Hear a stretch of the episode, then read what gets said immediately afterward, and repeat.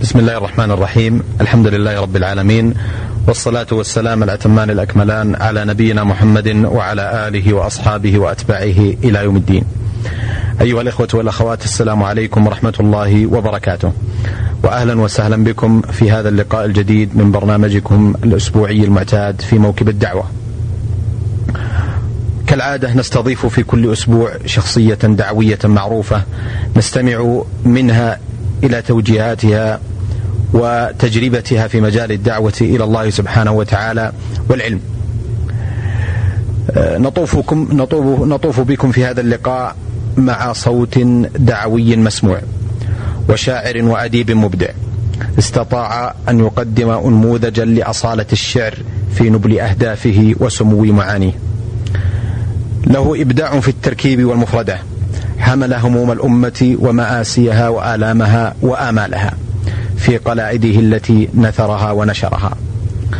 له وطنياته الجميلة ومراثيه المؤثرة ومديحه القول الجزم القوي الجزم وله معالجته الواقعية لقضايا المجتمع والأمة. له إبداع في ضروب الشعر جميعا. لا أملك في مطلع هذا اللقاء إلا أن أقدم الضيف الكريم الشاعر الدكتور عبد الرحمن بن صالح العشماوي فأهلا وسهلا بكم. حياكم الله يا أخ محمد وشكر الله لكم. وأولا أحب أن أحيي جميع الإخوة المستمعين والأخوات المستمعات في كل مكان. وأحييك أنت تحية الخاصة على هذا البرنامج الجميل آه الذي يقدم خلاصة تجارب مجموعة ممن قضوا آه سني حياتهم في خدمة الدعوة والفكرة النيرة السليمة وأرجو أن أكون واحدا منهم على ضعف ما عندي شكرا لك وأهلا ومرحبا بك أهلا وسهلا بكم دكتور. الحقيقة دائما مع ضيوفنا الكرام نعود إلى البدايات. بدايات الدكتور عبد الرحمن بن صالح العشماوي أين كانت؟ مولدا ونشأة. العودة إلى البدايات تفتح أمام الإنسان أفقا جميلا وبداياتي كانت في تلك القرية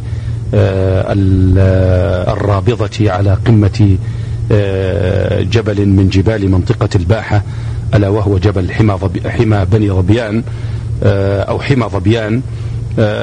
القرية هي قرية عراء شامخة في ذلك المكان. صغيرة منزوية في جزء من هذا العالم الفسيح ولدت فيها ونشأت فيها وتلقيت دراساتي الأولى فيها. ثم واصلت في معهد الباحة العلمي التابع للرئاسة العامة للمعاهد العلمية تلك الأيام والذي أصبح فيما بعد تابعا كغيره من المعاهد العلمية. ودنا أن نعرف تاريخ المولد دكتور. لجامعة الإمام محمد بن سعود الإسلامية. ال ال كنت قبل سنوات أنا أقول تاريخ المولد بدون تحرج يعني. كان تاريخ المولد في عام 1375 هجرية جميل. في قرية عراء بمنطقة الباحة. الدراسة كانت في المعهد العلمي طبعا المتوسطة والثانوية ثم بعد ذلك انتقلت إلى مدينة الرياض العامرة والتحقت بكلية اللغة العربية جامعة الإمام محمد بن سعود الإسلامية وانطلقت فيها وفيها حضرت الماجستير ومنها نلت شهادة الدكتوراه وفيها درست فترة من الزمن ثم خضت غمار الحياة العامة بعد ذلك وها أنا ذا أخوضها إلى الآن. نسأل الله سبحانه وتعالى أن يستخدمنا دائما في طاعته وأن يرزقنا التوفيق والسداد والإخلاص جميعا. اللهم آمين. دكتور نتوقف عند ما تفضلتم بذكره انفا. تخرجكم من كلية اللغة العربية متى كان؟ وبودي أن نتعرف على رسالة الماجستير والدكتوراه عن ماذا كانت وماذا كان موضوعهما. جميل. التخرج من كلية في كلية اللغة العربية كان عام 98 و300 أو ألف للهجرة طبعا في أثناء دراستي في الكلية كنت أفكر في موضوع للماجستير لأن الحمد لله يعني الدراسة كانت جيدة والمستوى كان ممتازا وأخبرت قبل أن تنتهي سنوات الدراسة بأنني إن شاء الله سأكون أحد المعيدين في الكلية. وكنت قد قرأت وأنا في المعهد العلمي في الباحة إحدى روايات علي أحمد باكثير وهي رواية وإسلامه. حتى إنني أذكر بأنني قد قرأتها كاملة ولخصتها كاملة وحفظت تلخيصها وألقيت في حفل ختامي كان للمعهد العلمي في تلك الفترة.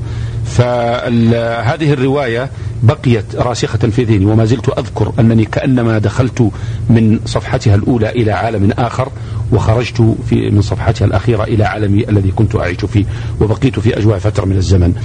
فملأت نفسي تلك الرواية وملأت نفسي آه، عبارات بها كثير وأسلوبه المتميز رحمه الله.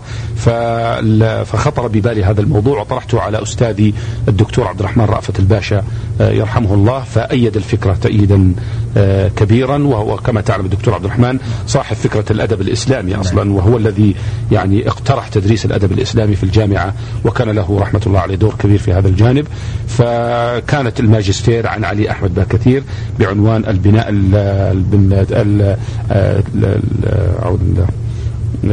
التجربة الفنية لعلي أحمد باكثير أو أو روايات علي أحمد باكثير من خلال آه، والتجربة الفنية. يعني هذا كان جميل. بالنسبة للماجستير. دراسة كاملة لكل أعمال علي أحمد باكثير الروائية. جميل. كما تعلم علي أحمد باكثير يعد من أبرز آه، كتاب الرواية التاريخية الإسلامية المعاصرة. بل يكاد يكون هو أول من من رسخ هذا. نعم رائده ومنظرها بتصورها الإسلامي الأصفى جميل. وإلا طبعا تعرف سبقه جورج زيدان في كتاب الرواية التاريخية الإسلامية. الدكتور آه، هل نشرت آه، هذه الرسالة؟ الرسالة نعم نشرت كاملة عام 1408 أعتقد آه، هجرية نشرها الحرس الوطني الجنادرية طبعا كانت نشرت ووزعت في أول لقاء من لقاءات الجنادرية وأظنه كان 1408 هجرية نعم. أعتقد نعم. دكتوراه دكتور عبد الرحمن الدكتوراه طبعا آه، بعد أن انتهيت من الماجستير كنت قد دخلت إلى عالم الرواية التاريخية بصفة عامة فنشأ في ذهني موضوع للدكتوراه وأنا في الماجستير آه، ألا وهو البناء الفني للرواية التاريخية الإسلامية المعاصرة بصفة عامة دراسة بنائية الرواية التاريخية وفنيتها ووضع أسس آه، ما يشبه الأسس النقدية لهذا الصنف من أصناف الأدب المعاصر لما له من الأهمية كما تعلم. الرواية الآن تحظى بقاعدة عريضة من المتابعين والمهتمين. فكان عنوان الدكتوراه البناء الفني للرواية التاريخية الإسلامية المعاصرة وهي أوسع وأشمل من رسالة الماجستير. وأيضا المشرف آه، عليها كان الدكتور عبد الرحمن الباشا الله يرحمه في بداياتها. ثم توفي وانتقل الإشراف إلى الدكتور أنس داوود يرحمه الله أيضا هو توفي قبل فترة. جميل. دكتور عبد الرحمن آه، خضتم غمار التعليم والتدريس وكان لكم إسهام ونصيب فيه. آه، ماذا تحملون عن تلك عن تلك المرحلة التي مررتم بها؟ المرحلة التعليم والتدريس من أجمل المراحل حقيقة التي يمر بها الإنسان. آه، أنا في نظري أن مرحلة طلب العلم مرحلة جميلة ولذيذة جدا وما نزال في طلب العلم حتى نموت لكن أنا أتكلم عن الجانب النظامي نعم. طبعا ومرحلة التدريس أيضا مرحلة رائعة أنا أنا في نظري أنه أن العمل في مجال التدريس من أجمل أنواع العمل التي يقوم بها الإنسان وأنا مجرب يعني جربت أعمال أخرى نعم. غير التدريس وفقط يشعر الإنسان برسالته الكبيرة في هذا المجال ويعرف كيف أنه يؤدي دورا ضخما في في في بناء أمته ووطنه وفي حماية ثقافة وفكر أجيال أمته. فهنالك سيتلذذ تماما بالتدريس والتدريس في نظري من أجمل الحقيقة الأعمال التي يمكن أن يقوم بها الشخص لأنه أولا فيه جانب الأخذ العلمي والعطاء العلمي فيه جانب بناء الشخصيات الطلاب التي يعيشها الأستاذ. أيضا جانب المذاكرة وحياة العلم المذاكرة.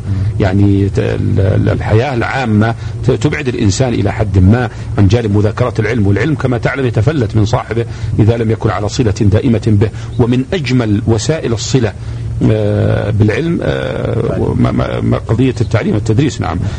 ومرحلة التدريس في الجامعة جامعة الإمام بالنسبة إلي في كلية اللغة من أجمل المراحل التي مرت بحياتي. حتى إنني آه، أقول يعني ما غاب عنك القلب يا حسناء ما غاب إلا الجسم والأعضاء. فهي تظل حقيقة التدريس مرحلة مهمة لأن فيها مخاطبة عقول ومخاطبة نفوس وبناء ثقافات ويعني كما كما قلت لك مذاكرة في جوانب العلم المختلفة وبلا شك أن هذا يرسخ معنى العلم وهنالك مسألة في غاية الأهمية أريد أن أقولها. كل مظاهر الحياة التي يعيشها الإنسان في نظري تظل مظاهر متخلفة أمام مظهر العلم الجميل ولذة الحياة تظل ضعيفة أمام لذة العلم. ولهذا يعني ورد حديث عن الرسول عليه الصلاة والسلام منهومان لا يشبعان طالب علم وطالب مال. طبعا طالب المال الحقيقة المفروض إنه يراعي نفسه في المسألة هذه. نسأل الله يكفينا هذا.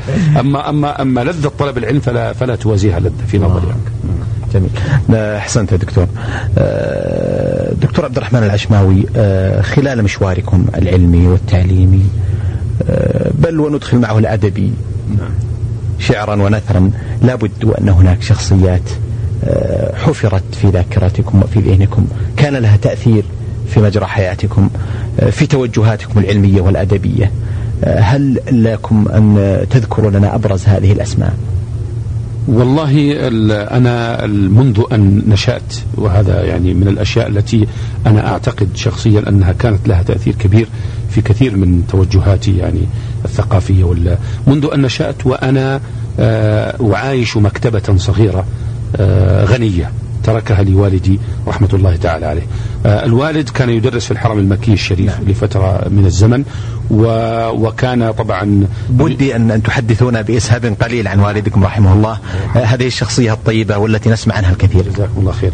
الوالد طبعا آه، كان مدرسا بالحرم المكي الشريف وقد تلقى دراسات عالية هو والدي ممن هاجر من المملكة في طبعا أسرته جدنا ممن هاجر من المملكة إلى خارج المملكة مر بالشام وبعدة حتى أن ذهب إلى أسمرة أيامها. طبعا الناس كانوا يطلبون الرزق في أكثر من مكان نعم. ثم استقر في فلسطين وولد والدي في حيفا رحمة الله عليه. ثم تلقى التعليم الأول في الجامع الأموي. وتلقاه بشكل قوي تتلمذ على عدد مشايخنا. ثم انتقل إلى مصر وكان طموحا يعني من بين إخوته أمامي الذين يصل عددهم إلى كان الوالد هو الحادي عشر فيهم. فكان هو الذي اتجه إلى العلم اتجاها آه، بكليته يعني فانتقل إلى إلى مصر وأخذ العالمية من الأزهر. ثم رجع إلى آه، فلسطين وكما يزال الانتداب البريطاني. آه، وكان للوالد مواقف يعرفها كثير ممن يؤرخون لتلك المرحلة وأنا رأيت مرة أكرم زعيتر كتب عنها في مذكراته وذكر اسم والدي فيه. فكان له مواقف من الانتداب البريطاني وتعرض لبعض المواقف طبعا السلبية وحكم عليه بالسجن. ثم آه، رأى أن يعود إلى المملكة آه، مع بداية عهد الملك عبد العزيز رحمه الله. فعاد إليها والتقى بالملك عبد العزيز في موسم حج ذلك العام الذي عاد فيه. وأعجب الملك عبد العزيز بشخصية الوالد الله يرحمه وهيأ له العمل في التدريس في الحرم المكي وأيضا كان مع مع ما يمكن أن نسميه طبعا هو يسمى الآن هيئة الأمر بالمعروف والنهي عن نعم. المنكر لكن في تلك الأيام ما أدري ماذا يعني كان يسمى هيئة الإرشاد أو نعم. الإرشاد في الحرم وقام الوالد رحمة الله عليه بدور في هذا الجانب وكان له الحقيقة في الصيف يطلع آه، إلى الطائف آه، للتدريس في المدرسة العسكرية وفي آه، مسجد ابن عباس في الطائف وله دروس وأنا التقيت وما زلت ألتقي بعدد كبير من الناس وخاصة كبار السن الذين يحدثونني عن جلسات الوالد وحلقاته حديثة طويلة. وأنا لدي كتاب أرجو أن أنتهي منه وأن يصدر قريبا عنوانه الشيخ صالح. تحدث فيه عن أجزاء من حياة والدي لا يعرفها كثير من الناس.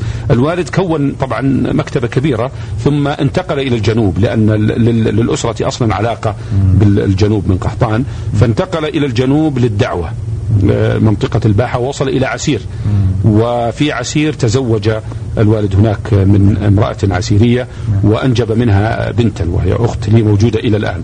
ثم رجع إلى الباحة واستقر فيها والتقى بجدي لأمي آه، الشيخ محمد علي سحاب رحمه الله وهو رجل محب للعلم والعلماء وكان الحمد لله للوالد دور يسجله أهل المنطقة عندنا ومن تلاميذه عدد كبير منهم الشيخ آه، سعد المليص رئيس نادي الباحة الأدبي وهو يعني دائما آه، إذا التقيت به يذكر الوالد بخير وتتلمذ ماذا عليه ومنحه الوالد شهادة موقعة من مديرية المعارف في تلك الأيام. عرضت على جامعة الإمام هذه الشهادة فقيل لي أنه بإمكانه أن, أن يأتي لإجراء الاختبار في السنة الرابعة وينال شهادة الليسنس بها. طبعا درس على الوالد النحو اللغة بكل موادها ودرس على المواد الشرعية. والبلاغة وال وهي موجودة مع الشيخ سعد إلى الآن اللي هو رئيس نادي الباحة الأدبي. فالوالد طبعا أنا الوالد ما عشت معه كثيرا لا تذكره. لا أذكر لا أذكره لكن يعني فارقته فارقنا وعمره عشر سنوات لأنه مرض رحمة الله عليه في آخر حياته حوالي توفي عام كم رحمه الله؟ توفي عام 91 رحمة الله عليه 91 هجرية غاب عنا حوالي ثلاث سنوات مع أخي الأكبر أخي من أبي آه لأنه مرض. آه طبعا الوالد عمر وصل أكثر من 110 سنوات تقريبا رحمة الله عليه. وتزوج والدتي وهو كبير. ووالدتي آخر الزوجات التي تزوجهن الوالد وأنا لي إخوة من الأب كثيرون. وإن كان معظمهم توفي رحمة الله عليهم لأنهم آه أبناء زوجات الوالد الأوائل فهم كبار السن يعني آخرهم توفي وعمره 80 سنة ما شاء الله. أي نعم آه وطبعا أنا ومجموعة إخوتي من الوالدة موجودون ومعنا أخت أيضا كما قلت نعم. أمها عسيرية نعم. ولنا أخت أيضا موجودة في المملكة هنا وأما بقية الإخوة الكبار فقد توفوا يرحمهم الله جميعا. فالوالد انتقل إلى إلى الجنوب ومنطقة الباحة وعندما تزوج بالوالدة أصبحت صلته بعراء وبمنطقة الباحة صلة قوية وانتقلت مكتبته جزء كبير من مكتبته إلى الباحة ونشأت في داخل هذه المكتبة وقرأت فيها سيرة الرسول عليه الصلاة والسلام مبكرا وحفظت فيها جزءا كبيرا من ديوان حسان وأنا في مراحل السادسة الابتدائي وأولى متوسط. فصلتي قوية جدا بسيرة الرسول عليه الصلاة والسلام منذ الصغر. وبسيرة السلف الصالح والصحابة رضي الله تعالى عنهم وتشبعت نفسي بمعاني عظيمة جدا ما نزال مقصرين في تطبيقها وفي استيعابها بالمعنى الصحيح من سيرة الرسول عليه الصلاة والسلام وسيرة أصحابه. وتشبعت أيضا بديوان حسان بن ثابت وقصائده الكثيرة في المنافحة عن الإسلام في تلك الفترة المبكرة. شخصية والدي كان لها أثر كبير في نفسي بالرغم من أنني ما جلست معه كثيرا لكن ما رأيت من أثره الكبير. سواء في القرية نعم. أو في البيت. أو حتى في الجماعة. كل من ألتقي به ويعرف أنني ابن الشيخ صالح العشماوي رحمه الله آه وبعض كبار السن في تلك الفترة يعرفون بالفلسطيني لأنه قادم من فلسطين. نعم. كل من ألتقي به ويعرف الوالد آه يعني يعطيني من العناية والرعاية ما ما ما لا كنت أتصور. والتشجيع نعم.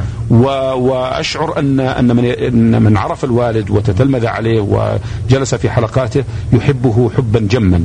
ومن الأشياء التي أسعدتني فيما بعد أن أن سماحة والدنا رحمة الله عليه الشيخ عبد العزيز بن باز كان يعرف الوالد معرفة جيدة ولكنه ما كان يربط بيني وبينه. فلما عرف أنني ابنه في جلسة معه رحمة الله عليه دعا له بخير وقال والدك نعد من أنصار العقيدة الصحيحة ومن أصحاب العلم الطيب. الشيخ محمد بن عثيمين ذكر لي أنه يعرف الوالد ويعرف حلقاته رحمة الله عليه. الشيخ عبد العزيز بن صالح إمام المسجد النبوي رحمه الله. أيضا ذكر لي أنه جلس في حلقات الوالد فترات طويلة. سمو الأمير متعب بن عبد العزيز سمو الأمير ماجد يعني أخبروني بأنهم جلسوا في حلقة الوالد في المسجد الحرام وحدثوني عنه وسألوني عن أشياء كثيرة تتعلق بالوالد يرحمه الله تعالى. فهذا يعني نعم. الكلام عن الوالد نعم. كثير ولكن هذا جزء مما يمكن أن يقال في هذا اللقاء. أحسنتم. لكن هل هناك شخصيات أخرى شخصية جدي لأمي يرحمه الله. هذا الرجل أمي لا يقرأ ولا يكتب لكنه كان يحفظ يكاد يحفظ القرآن كاملا. وما من دعاء من الأدعية الصحيحة إلا وحفظتها عنه هو. رحمة الله عليه وكان شخصية يعني ثقافية واعية بالرغم من أميته ولهذا أنا أقول دائما إنه أن, أن الثقافة لا تعني العلم. إنما تعني ال ال الوعي والسلوك. وجدي لأمي رحمة الله عليه كان محبا للخير وأهل الخير وكان رجلا يعني يكاد يكون مثاليا وإن كان ليس لدينا ترى مثالية الإسلام واقعية. نعم نعم. في تعامله طيبته حسن أخلاقه تسامحه الشديد مع الناس. الشخصية جدي رحمة الله عليه وأنا عندي رواية جاهزة للطباعة. أرجو أنها تصدر قريبا إن شاء الله. عنوانها في وجدان القرية. هي تأريخ لحياة جدي وجدتي لأمي رحمهم الله. شخصية والدتي آه، حفظها الله. ووالدتي آه، يعني عصامية يحفظها الله ولها دور كبير كبير معنا لأن كما تعلم والدي آه، تزوجها وهي صغيرة. وهو كبير. ثم مرض في آخر أيامه فانتقلنا معها إلى الباحة إلى قرية عراء. وعندما عندما انتقلنا إلى هناك كان عمر الوالدة أقل من 25 سنة. والوالد توفي بعد ذلك بثلاث سنوات. فبقيت على رعايتنا حفظها الله وجزاها عنا خير الجزاء إلى الآن. آه، ولم ولم ولم تسمح لنفسها ابدا أن تتركنا. وبنت آه، في فينا امورا كثيرة لا أريد أن أتحدث عنها حتى لا تعتبر تزكية لأنفسنا لأننا بالرغم من كل ذلك مقصرون. ولكن الوالدة أثرها كبير جدا جدا في في حياتي وحياة إخوتي. آه، لأنها عصامية ولأنها نشأت مع الوالد نشأة طيبة والوالد يرحمه الله علمها القرآن حتى إن الوالده ما ما تعلمت القراءة والكتابه لكنها تقرأ في المصحف آه، قراءة جيدة وتحفظ كثير من القرآن وتحفظ كثير من الأدعية وتحفظ كثيرا من الأناشيد ومن شعر الوالد يرحمه الله. لأن الوالد له شعر وإن كان يعد شعرا تعليميا شعر علماء يعني. فشخصية الوالدة أيضا كان لها دور كبير في حياتنا. نسأل الله سبحانه وتعالى أن يجزيها عنا خير الجزاء وأن يحفظها ويحفظ آباء وأمهات جميع الأخوة المستمعين ويرحم ويغفر لمن مات منهم ويجمعنا بهم جميعا في جنات النعيم. اللهم آمين. أحسنتم. آه، أبا أسامة الحقيقة آه، قبل أن أدخل في موضوع مهم الحقيقة المستمع أجزم بأنه بشوق أن نستمع إليه وهو الشاعر الأديب الدكتور عبد الرحمن العشماوي آه، أستمع إلى أبرز النشاط العلمي الذي كان لكم والذي أنتجتموه عبر مؤلفات وكتابات وبحوث.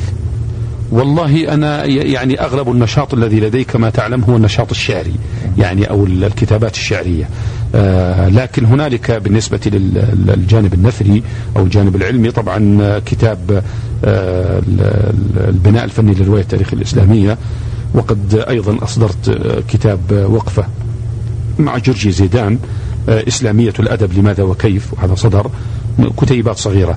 هنالك كتاب جاهز للطباعة أيضا الآن عنوانه علاقة الأدب بشخصية الأمة. آه، طبعا وهذا فيه تأصيل حقيقة للأدب الإسلامي وبيان لكيفية آه، آه، للعلاقة الوطيدة بين الأدب وبين شخصية الأمة شخصية الأمة التي تتمثل في دينها وعقيدتها طبعا وقيمها.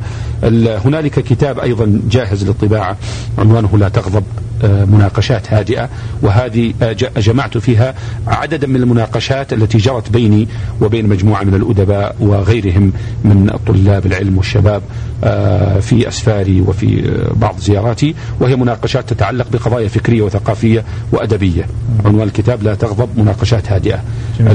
أيضا عندي كتاب جاهز تقريبا سأنتهي منه إن شاء الله من بعض صفحاته التي الختامية. عنوانه في قطار التاريخ. وهذا من الكتب التي أعتز بها الآن لأن آه، سرت فيه مع التاريخ منذ بدء الخليقة إلى أن وصلنا إلى عصرنا هذا باختصار طبعا هو كتاب آه، يعتمد الأسلوب الأدبي وسرد مجموعة من الوقائع التاريخية التي لفتت نظري أيوة. بما فيها من موعظة وعبرة وسميته في قطار التاريخ يعني كأنني أسير في قطار وألتقط وأنا في نافذة القطار بعض الصور فقط يعني من تعرف التاريخ يحتاج نعم. إلى مجلدات فهو سيكون في يعني في حدود 400 آه، صفحة تقريبا الكتاب وهو أيضا جاهز للطباعة هنالك كتاب آه، مختارات من الشعر العربي وهذا أيضا جاهز عندي اخترت مجموعة بصفة خاصة وبطريقة معينة راعيت فيها في الاختيار جوانب إبراز الجانب الخلقي والذوقي الرفيع في الأدب العربي. جميل. يعني ابتداء من العصر الجاهلي مرورا بالعصر الإسلامي إلى العصر الأموي إلى العصر العباسي فما بعد. لأن الأدب العربي آه، يقوم على أخلاقيات رائعة جدا. فنحن بحاجة إلى أن نتمثل هذه الأخلاقيات. صحيح. فاستخلصت من الشعر العربي آه، قدر المستطاع ما يحمل الجانب آه، الخلقي الراقي. والكتاب أيضا جاهز للطباعة بإذن الله تعالى. آه هذا ما يمكن. طبعا الدواوين مجموعة من الدواوين الشعرية وصل عددها إلى ستة عشر ديوانا. وفي الطريق أيضا بعض الدواوين إن شاء الله التي ستصدر قريبا بإذن الله تعالى. إن شاء الله تعالى. آه، أحسنتم دكتور. آه، دكتور عبد الرحمن الشعر ورحلتكم معه كيف بدأت؟ والله بدأت في عراء وبدأت بإحساس بأن هذا الكون يقع من نفسي موقعا خاصا وأنا صغير يعني ما كانت تمر الأشياء على ذهني مرورا عابرا وكنت كثير الأسئلة لمن حولي وأساتذتي أيضا. إشراقة الشمس كنت أتوقف عندها كثيرا غروب الشمس كنت أتوقف عنده كثيرا. البهم وهي ترعى في أودية القرية. كنت أتوقف عند منظرها الجميل كثيرا. الأغنام السواني صوت الثانية آه، أخ محمد يعني تراها صوت شجي عجيب يعني. وأنا متأكد أن كثير من آه، من أبناء الجيل الجديد أبنائنا قد لا يعرفها. لكن شجي نعم. يعني وله. وفي عندي ديوان جديد سيصدر إن شاء الله قريبا عنوانه آه، بائع الموز حليمة والصوت والصدى. نعم. في بعض مقاطع صورت أثر صوت السواني على على على مشاعري. نعم. الشعب الذي كان يشتغل فيه جدي لأمي رحمة الله عليه ويزرعه ويزرع فيه الخضار وبعض الفواكه وكان ينعش بتسبيحه ودعائه وذكر هذا المكان. كان كان وقع الأشياء هذه على نفسي منذ أنا صغير لم يكن وقعا عاديا. المطر عندما يهطل وتبتسم له القرية و و وتختلط تمتزج رائحة الأزهار برائحة الطين والتراب. آه، كل هذه كانت رسائل غير عادية أشعر بها وأنا في سن مبكر. حتى أن أحد أساتذتي وأنا في أولى متوسط وهو موجود آه، في الرياض الآن الأستاذ صدق البيك آه، ومن لهم فضل في توجيه أشياء كثيرة كتبتها في تلك المرحلة كان يقول لي أنا أشعر أنك شاعر بالسجية بالطبيعة. آه، وأنا في أولى متوسط. وكنت أعرض عليه بعض القصائد. طبعا لما أراجع بعض المقطوعات التي عرضتها عليه آه، أضحك منها الآن. لكن كان يشجعني تشجيع كبير في حينها. ف آه، طبعا له أثر كبير. التشجيع التشجيع خاصة عندما يشعر المربي أو المعلم أن لدى هذا الطالب موهبة. يجب أن يشجعه وألا يحبطه. وأن يترك مناقشة الأخطاء إلى ما بعد التشجيع. لاني أنا أذكر مرة الأستاذ صدقي قدمني في إذاعة المعهد العلمي في الباحة وأنا في أولى متوسط. قصيدة أذكر مطلعها ما أكثر اللؤماء في هذا الزمان من قلة تجد الأمين الارحمي طبعا هي المفروض الأمين الارحمه ومشت القصيدة وقدمني تقديم أبكاني من تشجيع علي جميل. وألقيت القصيدة المقطوعة كلها خمسة أو ستة أبيات ما أحفظ إلا هذا البيت منها الآن. بعدما انتهيت أخذني جانبا قبل أن أصعد إلى الفصل. قال اسمع يا بني أنا مدحتك لكن ترى قصيدتك إذا قيست بقصائد الشعراء تظل في المؤخرة. فأنت ما زال أمامك طريق طويل. جميل. هذا أسلوب في التربية. أنا جميل. الحقيقة أوصي به كثير من الإخوة الذين لهم علاقة ببعض المواهب الشابة أن يشجعوهم ويوجهوهم. لأن النقد السريع ترى الموهبة الشابة غضة. النقد المفاجئ القاسي قد يحبطها. ونحن في نظري الساحة الأدبية بأمس الحاجة إلى أقلام آه، ومواهب جادة آه، عندها قدرات فنية ممتازة آه، الساحة تستوعب حقيقة والأمة بحاجة والأدب كما تعلم له دوره الكبير في حياة الناس يعني يظل الكلمة أثرها الفاعل فيه تجمع بين الهدف والإبداع نعم والإبداع يعني. نعم لا شك بين الجانب الفني والجانب الثقافي والفكري نعم. وهذا الذي نريده نحن نعم. هذا هو الأدب الراقي في نظري أه لكن هل تذكرون أول قصيدة يا أبا أسامة؟ والله أنا أول قصيدة يمكن أن أن يقال إنها قصيدة يعني آه، ذات آه، قيمة فنية جيدة وأنا الآن إذا قرأتها وراجعتها وجدتها جيدة حقيقة بمقاييس النقدية طبعا. نعم. آه، ألقيت حتى إني أذكر أحد أساتذتي الدكتور حسن الشاعر وكان أستاذا قبل أن يكون دكتور عندنا في المعهد العلمي في الباحة والحمد لله نحن مر بنا في الباحة مجموعة من الأساتذة الفضلاء. الذين ربونا تربية ممتازة. جزاهم الله خير. وإن كنا مقصرين في الوصول إلى ما أرادوا. منهم الأستاذ صدق البيك الدكتور حسن الشاعر منهم الدكتور مصطفى مسلم. وهذا طبعا فيما بعد درس كلية أصول الدين في جامعة الإمام في الرياض والآن هو في جامعة الشارقة. مر علينا مجموعة من الأساتذة الممتازين. فأذكر أن أحد الأساتذة قال لي ترى بعد ما انتهيت من الحفل وكذا ونالت القصيدة إعجاب الحاضرين في تلك الفترة من من شاب في الثالثة متوسط أو الأولى ثانوي كنت. قال لي ترى يا بني إذا سرقت القصيدة سيكتشف النقاد فيما بعد. وكان يظن أنها ليست لي. بينما القصيدة لي يعني إلى الآن ما زلت فأذكر هذه القصيدة مطلعها بالدين والعلم تعلو راية الأمم ويرتقي شأنها في عالم القيم فالدين نصر إذا طبقته خضعت لك البلية البرية من عرب ومن عجم كل الضلالات أقدام ومنهجنا رأس. فكيف نسوي الرأس بالقدم؟ وتستمر القصيدة طويلة. فهذه من أوائل قصائد الجياد يعني اللي في نظري من الناحية الفنية. أما أول أبيات قلتها فهي أبيات أذكر منها بيت يا عراء هللي وكبري إن هذه السحب عيت تمطري. طبعا والحقيقة مزيج من نعم. العامية والفصحى. واستمر المشوار إلى أن وصلنا إلى ما نحن فيه من من مستوى متواضع. نسأل الله سبحانه وتعالى آه، أن أن يستخدم يستخدمنا في طاعته وأن يجعل ما نقوله في موازين حسنات لأنه وما يلفظ من قول إلا لديه رقيب عتيد. أحسنتم واثابكم الله. آه، دكتور عبد الرحمن آه، في الحقيقة توقف عند هذا الحد لأن وقت الحلقة قد أزف وشارف على الانتهاء إلا أنني أعد الإخوة والأخوات بإذن الله تعالى أن يكون لنا لقاء قادم مع الشاعر والأديب الدكتور عبد الرحمن بن صالح العشماوي والذي تفضل مشكورا بإجابة دعوة البرنامج. آمل بإذن الله تعالى أن يتجدد لنا معكم ومع الدكتور عبد الرحمن لقاء في الأسبوع القادم والسلام عليكم ورحمة الله الله وبركاته. في موكب الدعوة إعداد وتقديم محمد بن عبد الله المشوح.